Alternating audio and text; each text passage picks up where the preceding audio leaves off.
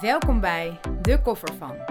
Mijn naam is Moraya en in deze podcast reis ik door heel Nederland om op zoek te gaan naar verhalen van jongeren. Door middel van muziek gaan we terug in de tijd en bespreken we wat er op hun hart ligt. Van ervaringen, blessed moments, trauma's tot toekomstvisies en we eindigen altijd met een persoonlijke boodschap voor jou. In deze podcast krijg je een exclusief kijkje in De Koffer van. Ik eh, ben op dit moment in Leiden en naast mij zit een eh, hele lieve meid. Die eh, ehm, ga ik interviewen voor de allereerste aflevering van De Koffer van. Zou je jezelf even willen voorstellen? Ja, natuurlijk. Ehm, hoi, ik ben Sophie. Ik ben 17 jaar oud en ik woon in Leiden. Superleuk. Ik ben super blij dat je mee wilt doen met deze podcast. En ehm, ik kijk er heel erg naar uit om dit gesprek met jou te hebben. En ik ben eigenlijk ook wel heel nieuwsgierig uh, welk nummer je hebt uitgekozen. Ik heb uh, Stay van Rihanna uitgekozen omdat uh, ja, het beschrijft een beetje hoe ik me heb gevoeld in die tijd. En gewoon de melodieën die er worden gebruikt zijn gewoon, ja, aan de ene kant wel een beetje treurig. Maar het heeft aan de andere kant ook alweer iets dat moed inspreekt, zeg maar, voor mij. Ik ben heel benieuwd. Zullen we naar het nummer gaan luisteren? Ja, is goed.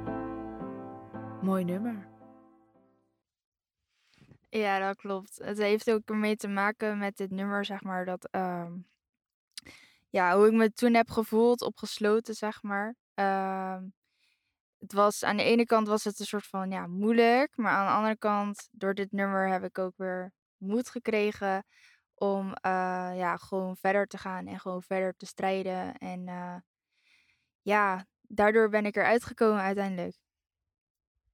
Want dit nummer was dus, als ik het goed begrijp, belangrijk voor jou toen je in een gesloten instelling woonde. En hoe voelde je je daar? Kan je, kan je me meenemen naar dat moment?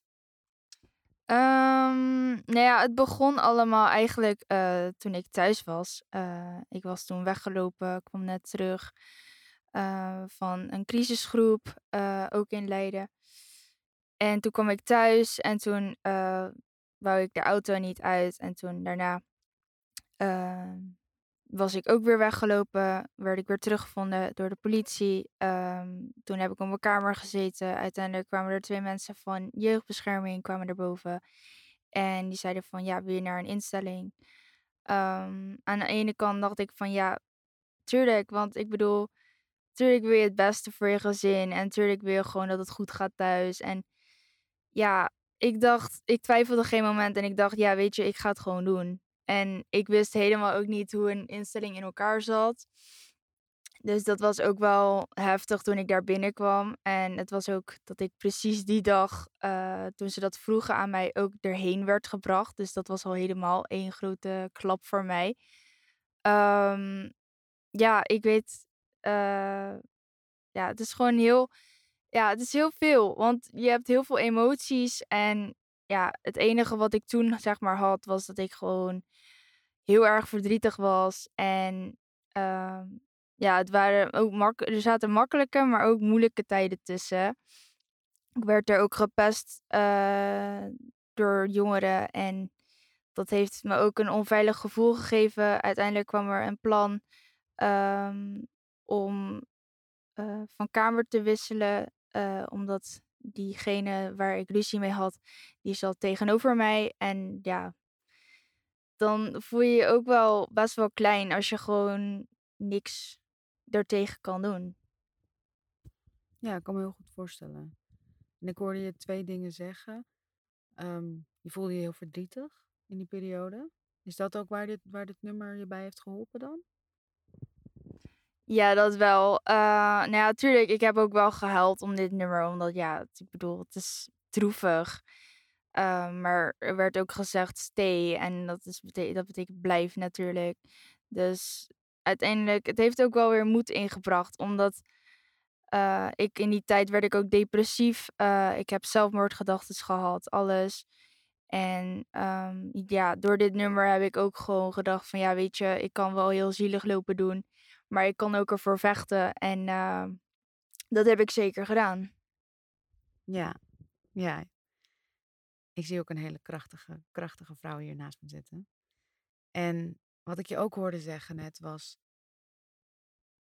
Op het moment dat jeugdbescherming aan jou vroeg: wil jij naar een instelling?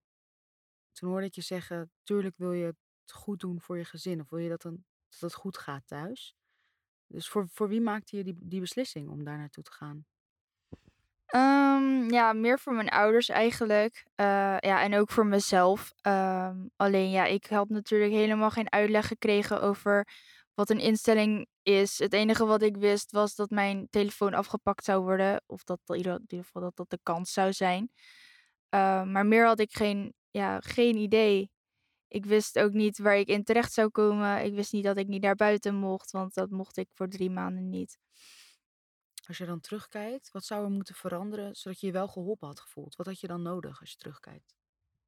Als ik terugkijk op uh, ja, wat mij dan had geholpen, was toch wel aan de ene kant uh, open. Ook al was dat misschien wel moeilijk geweest, omdat ik natuurlijk dan wegliep en zo. Dus dan ja, het is moeilijk. Aan de ene kant, ik snap wel waar mijn ouders gesloten hebben gedaan, omdat ik dan natuurlijk dan niet weg kon. Alleen um, aan de andere kant denk ik van ja, maar ik voelde me toen opgesloten en uh, ik werd toen nog bozer als ik thuis kwam bijvoorbeeld. Um, had ik uh, elke keer woede-uitbarstingen nog erger en ja, alles werd een soort van versterkt. Dus um, ja, alles wat ik toen heb meegemaakt, uh, uitte ik een soort van op mijn ouders. Omdat ik wou laten zien aan hun van um, dat het voor mij niet werkte. En dat ik daar pijn van had en verdriet had. En um, dat je gewoon. Meestal in het leven heb je wel een, een, ja, een gevoel over bijvoorbeeld wat je wilt in de toekomst en dat soort dingen. En dan ga je proberen om dat, zeg maar, um, voor elkaar te krijgen. Nou, wat ik daarmee bedoel is dat ik zeg maar uh, het liefst uh, had ik thuis gewoond. Maar aan de andere kant denk ik ook wel weer, het, als ik mijn ouders dan in mijn ouders verplaats, denk ik aan de ene kant ook weer van ja, het is wel goed dat je het hebt gedaan. Alleen het nadeel daaraan is dat ik trauma's heb gekregen. En ook gewoon bang was om mensen te vertrouwen. Dus toen ik hier kwam, uh, dacht ik alleen maar van, oh, stel doe, dan doe ik iets en dan is het fout en dan word ik op kamer gezet. Of als ik bijvoorbeeld te laat terug ben, dan, dan, dan word ik opgesloten op mijn kamer en allemaal dat soort dingen. Dus dat is ook niet heel fijn natuurlijk. Ja, als ik hier gewoon over mijn instelling waar ik nu dan uh, zit praat, uh, is het veel, veel positiever. Veel meer dat ze je zeg maar snappen, omdat ze ja, ze willen niet met agressie werken. Ze willen je niet vasthouden. Ze willen je niet. Uh, ja, ze, het enige wat ze willen is dat je gewoon snapt wat je fout hebt gedaan en dat je daar dan een gesprek over hebt. Dus dat ze wel duidelijk hebben van oké, je hebt dit en dit gedaan. Uh, het was niet goed van je. Uh, wat kun je de volgende keer anders doen, zodat dat je het, ja, dat je het kan voorkomen, zeg maar. En um, bij die andere instelling, mijn gesloten instelling dus, um, moest je dan werken met uh, de vijf W's, volgens mij. Uh, als in waarom je het deed, uh, waarom je dat dan in je gedachten had, uh, hoezo en hoe je je toen voelde. En eigenlijk gewoon dat ze echt zwart op wit wouden waarom je zo deed. Terwijl je misschien op dat moment misschien een verkeerde beslissing maakt. En uiteindelijk denk je dan van ja, dat had ik niet moeten doen. Dus dan denk je er weer anders over na.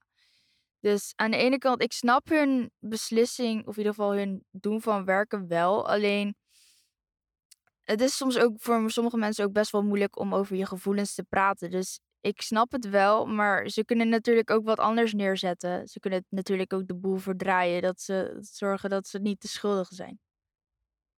Ja. Ja, dus als ik je goed begrijp, op deze groep waar je nu zit, voel je je goed geholpen en krijg je de ruimte om fouten te maken en dat in een gesprek dan uit te leggen en dan samen te kijken hoe kun je dat voorkomen de volgende keer. En in je gesloten instelling had je meer het gevoel dat je gestraft werd voor je beslissingen. En moest je er ook over praten, maar misschien, ja, wat, wat maakt het verschil met praten hier en daar? Um, ja, er zit ook wel een verschil tussen hoe ze toen tegen mij praten. Um, ja, gewoon de toon uh, vind ik al heel belangrijk. Want als je bijvoorbeeld al heel streng tegen mij gaat doen, dan ga ik precies niet naar jou luisteren. Nee, ik kan me voorstellen dat dat, dat, dat dingen versterkt, wat je eerder al zei. Dat je daar eigenlijk nog opstandiger van kan worden. Je, je zat toen gesloten en toen had je dus veel verdriet. Je miste thuis. Je voelde je misschien niet begrepen. Um, zoals je dat nu dan ervaart. Dat voelde je toen niet. Je, je kreeg ruzie met je ouders. En wat had je in die periode dan nodig als je nu terugkijkt?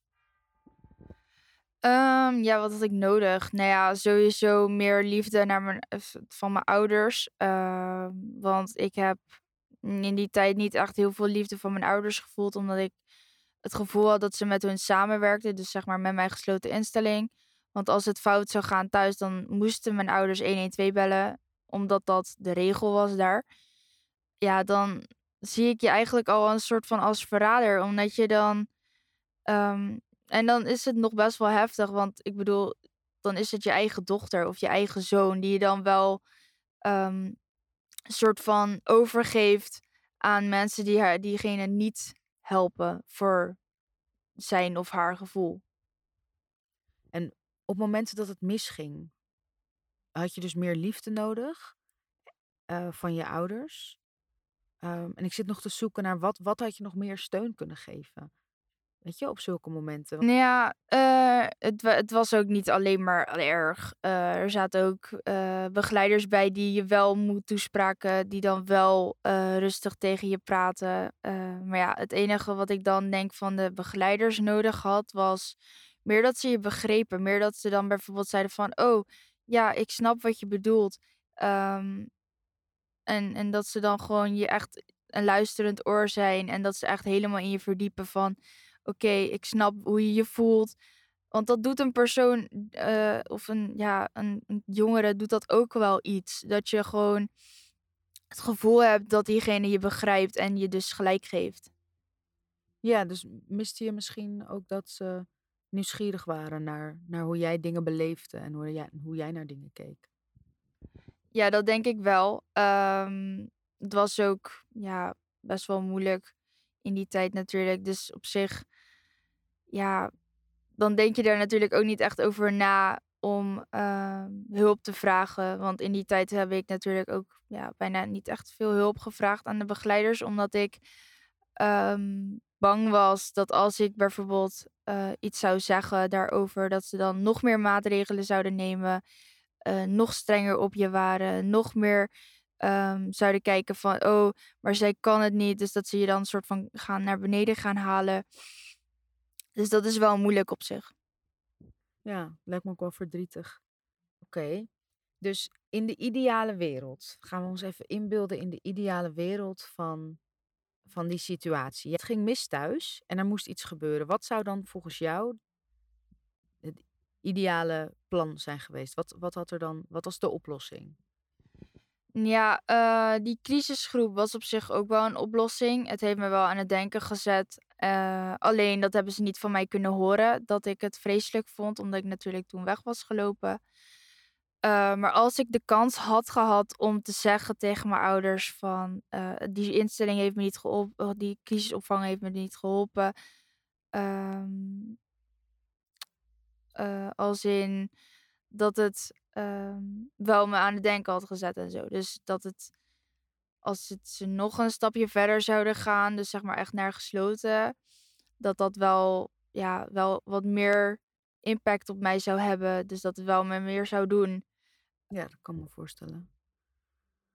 Dus als we in de ideale wereld had je eigenlijk gewoon de kans willen krijgen om, om daar nog over in gesprek te gaan. Om zelf mee te beslissen over, over wat een goede vervolgstap is. Klopt dat? Ja, en het jammere eraan vond ik dat ik het niet ehm, die stap kon nemen, omdat ehm, mijn ouders waren eigenlijk al in gesprek met hoe het nou verder zou gaan. En ehm, dat vond ik op zich ook wel jammer, dat, dat ik er dan op dat moment niet bij mocht zijn. Want ik had het wel gewoon willen delen over hoe ik er dan ja, bij zat. En het heeft natuurlijk ook wel aan de ene kant is het ook wel weer waar wat hun hebben gezegd over dat het ja, gewoon dat ik er niet bij mocht zijn omdat ik ja, ik was 15. Dus op zich ik had ook niet veel te zeggen. Mijn ouders hebben of hadden toen meer te zeggen dan ik, omdat ik nog minderjarig ben um, of was. Um, ja, is het ook wel logisch dat ik daar niet aan mee mocht beslissen. Maar als ik je goed begrijp, als je diep van binnen een wens had, was het eigenlijk wel dat je nog gehoord werd door iedereen. Klopt dat? Ja, dat klopt zeker. Ik denk dat jij voor heel veel jongeren spreekt. Ik herken mezelf er ook even in. dat, um, dat, je, dat je graag gehoord had willen worden nog. Voordat je hele wereld in één keer op zijn kop uh, werd gezet. Ja, dat klopt. En ik gun iedereen uh, elke jongere gun ik natuurlijk gewoon uh, het beste. Uh, ik hoop dat deze podcast en door mijn verhaal um, heel veel jongeren ook geholpen zullen worden. Heel veel jongeren ook gewoon een luisterend oor, dat ik hun een luisterend oor kan bieden. en dat ze gewoon snappen wat, wat hun dwars zit. En dat ze ook begrijpen van, oh, dus deze situatie wat dit meisje vertelt is hoe ik mij ook heb gevoeld in die tijd. Of nu nog steeds. En ik wil gewoon met mijn verhaal uh, ja, laten merken dat je, je staat er niet alleen voor. Je bent niet alleen. Um, dus, en als je hulp nodig hebt, ga erover praten. Laat het niet, um, verhoud het niet voor jezelf. Praat erover. Maakt niet uit met wie. Als je gewoon überhaupt iemand hebt waar je gewoon mee kan praten, die je vertrouwt, die een luisterend oor biedt, ga erheen en vertel je verhaal. Want ik heb ook vaak meegemaakt dat ik niks zei. En ik heb daar zoveel dingen mee verpest. En ik gun niemand uh, ja, hetzelfde wat ik dan mee heb gemaakt. Dus ik gun iedereen het beste daarmee. Mhm, je bent een lieverd. en als je nog uh, iets tegen de professionals die luisteren zou kunnen zeggen, wat zou je ze dan willen meegeven? Um, nou ja, sowieso als je merkt aan een jongere van dat er iets dwars zit, stap erop af. Probeer rustig een gesprek uh, met diegene. Ook al is diegene misschien boos, want ook al, uh, ik heb bijvoorbeeld ook meegemaakt dat ik bijvoorbeeld boos was op gesloten. En um, dat ik ook helemaal uit mijn dak ging. En dan werd er gelijk naar je toe gerend, werd je gelijk gefixeerd. Um, dat had voor mij niet gehoeven, ook niet echt geholpen, want het werd juist alleen maar erger. Dus het liefst had ik dan gewoon een gesprek gehad voordat ze je dan zeg maar op de grond hadden neergelegd. Dus ik wil meegeven aan de professionals dat ze eerst proberen om een gesprek met een jongere aan te gaan. En werkt dat niet, dan zou ik um, ja, nog steeds gewoon ja, ik, ik heb gewoon in mijn hoofd dat het gewoon. Het is gewoon niet oké om iemand aan te raken zomaar. Ook al leg je diegene op de grond, ook al raak je diegene aan. Dat kan een kind ook al heel veel doen. En ja, het is gewoon aan de ene kant best wel lastig, ook voor hun natuurlijk. Dus ik zou gewoon proberen, ook al lukt een gesprekje niet, zou ik nog steeds gewoon andere manieren proberen te bedenken zodat het uiteindelijk wel lukt om een gesprek te voeren met diegene. Dus dat je bijvoorbeeld diegene even een tijdje met rust laat. Ehm, of elke keer om de, ja, tien, ja, dat je af kan spreken met die persoon van oké, ik kom binnen tien uur, tien minuutjes. Of een kwartiertje kom ik even langs. Dan vertel je. En als je dan in gesprek wilt, kan je dan gewoon je verhaal vertellen. En ja, dat helpt op zich ook wel. Dat had mij ook wel heel erg geholpen als dat zo zo was. Mooi. Dus een, een uitnodiging aan alle professionals om toch altijd het gesprek proberen aan te gaan. En, en zoals ik je hoor zeggen, misschien niet op het moment dat zij dat gesprek willen, maar dat ze ook ruimte geven dat jij ook mag beslissen van oké, nu ben ik klaar om erover te praten. Dus soms is even afstand, even tijd gunnen, ook een oplossing om uiteindelijk nog het gesprek aan te kunnen gaan. Ja, dat heeft mij wel ook. Mijn, ik merk het ook wel met mijn ouders nu. Uh, mijn ouders die snappen mij wel iets beter. Um, maar ik merk wel ook dat ze bijvoorbeeld, als er iets is, dat ze dan bijvoorbeeld wel een beetje afstand nemen. Dat ze me dan even met rust laten. En ik merk ook gewoon aan mezelf, als ik het zou vergelijken, merk ik het veel meer um, dat ik tot rust kom als ze me even met rust laten, dan dat ze dan meteen in dat gesprek zouden willen. Want dan, dan heb je misschien, ja, ik weet niet of je dan boos bent, maar dan heb je nog steeds die boosheid misschien in je. Of gewoon die frustratie dat je denkt van, of irritatie, dat je echt denkt van, oh, als ze nu een gesprek met mij aan willen, dan, dan ja, dan gaat het fout. Ja. Dus gewoon de rust bewaren en er later dan op terugkomen. Ik denk dat het een hele mooie uitnodiging is naar iedereen die luistert. En hele mooie woorden voor de jongeren die luisteren. En um, ik vind het heel dapper dat je je verhaal hebt gedeeld. Ik ben heel erg blij om te horen dat je nu op een plekje zit waar je waar je, je wel gehoord en geholpen voelt. En uh, je gaat zo meteen uh, iets onwijs leuks doen voor jezelf. Je bent hard aan het werken voor je toekomst. Dus um, ik wil je heel erg bedanken dat je in deze podcast wilde aansluiten. Deze podcast werd je aangeboden door En Jeugd. En ben jij of ken jij nou iemand die ook graag iets zou willen delen uit zijn koffer? Laat het ons dan weten. Meld je aan via www.moraya.nl. Tot de volgende keer!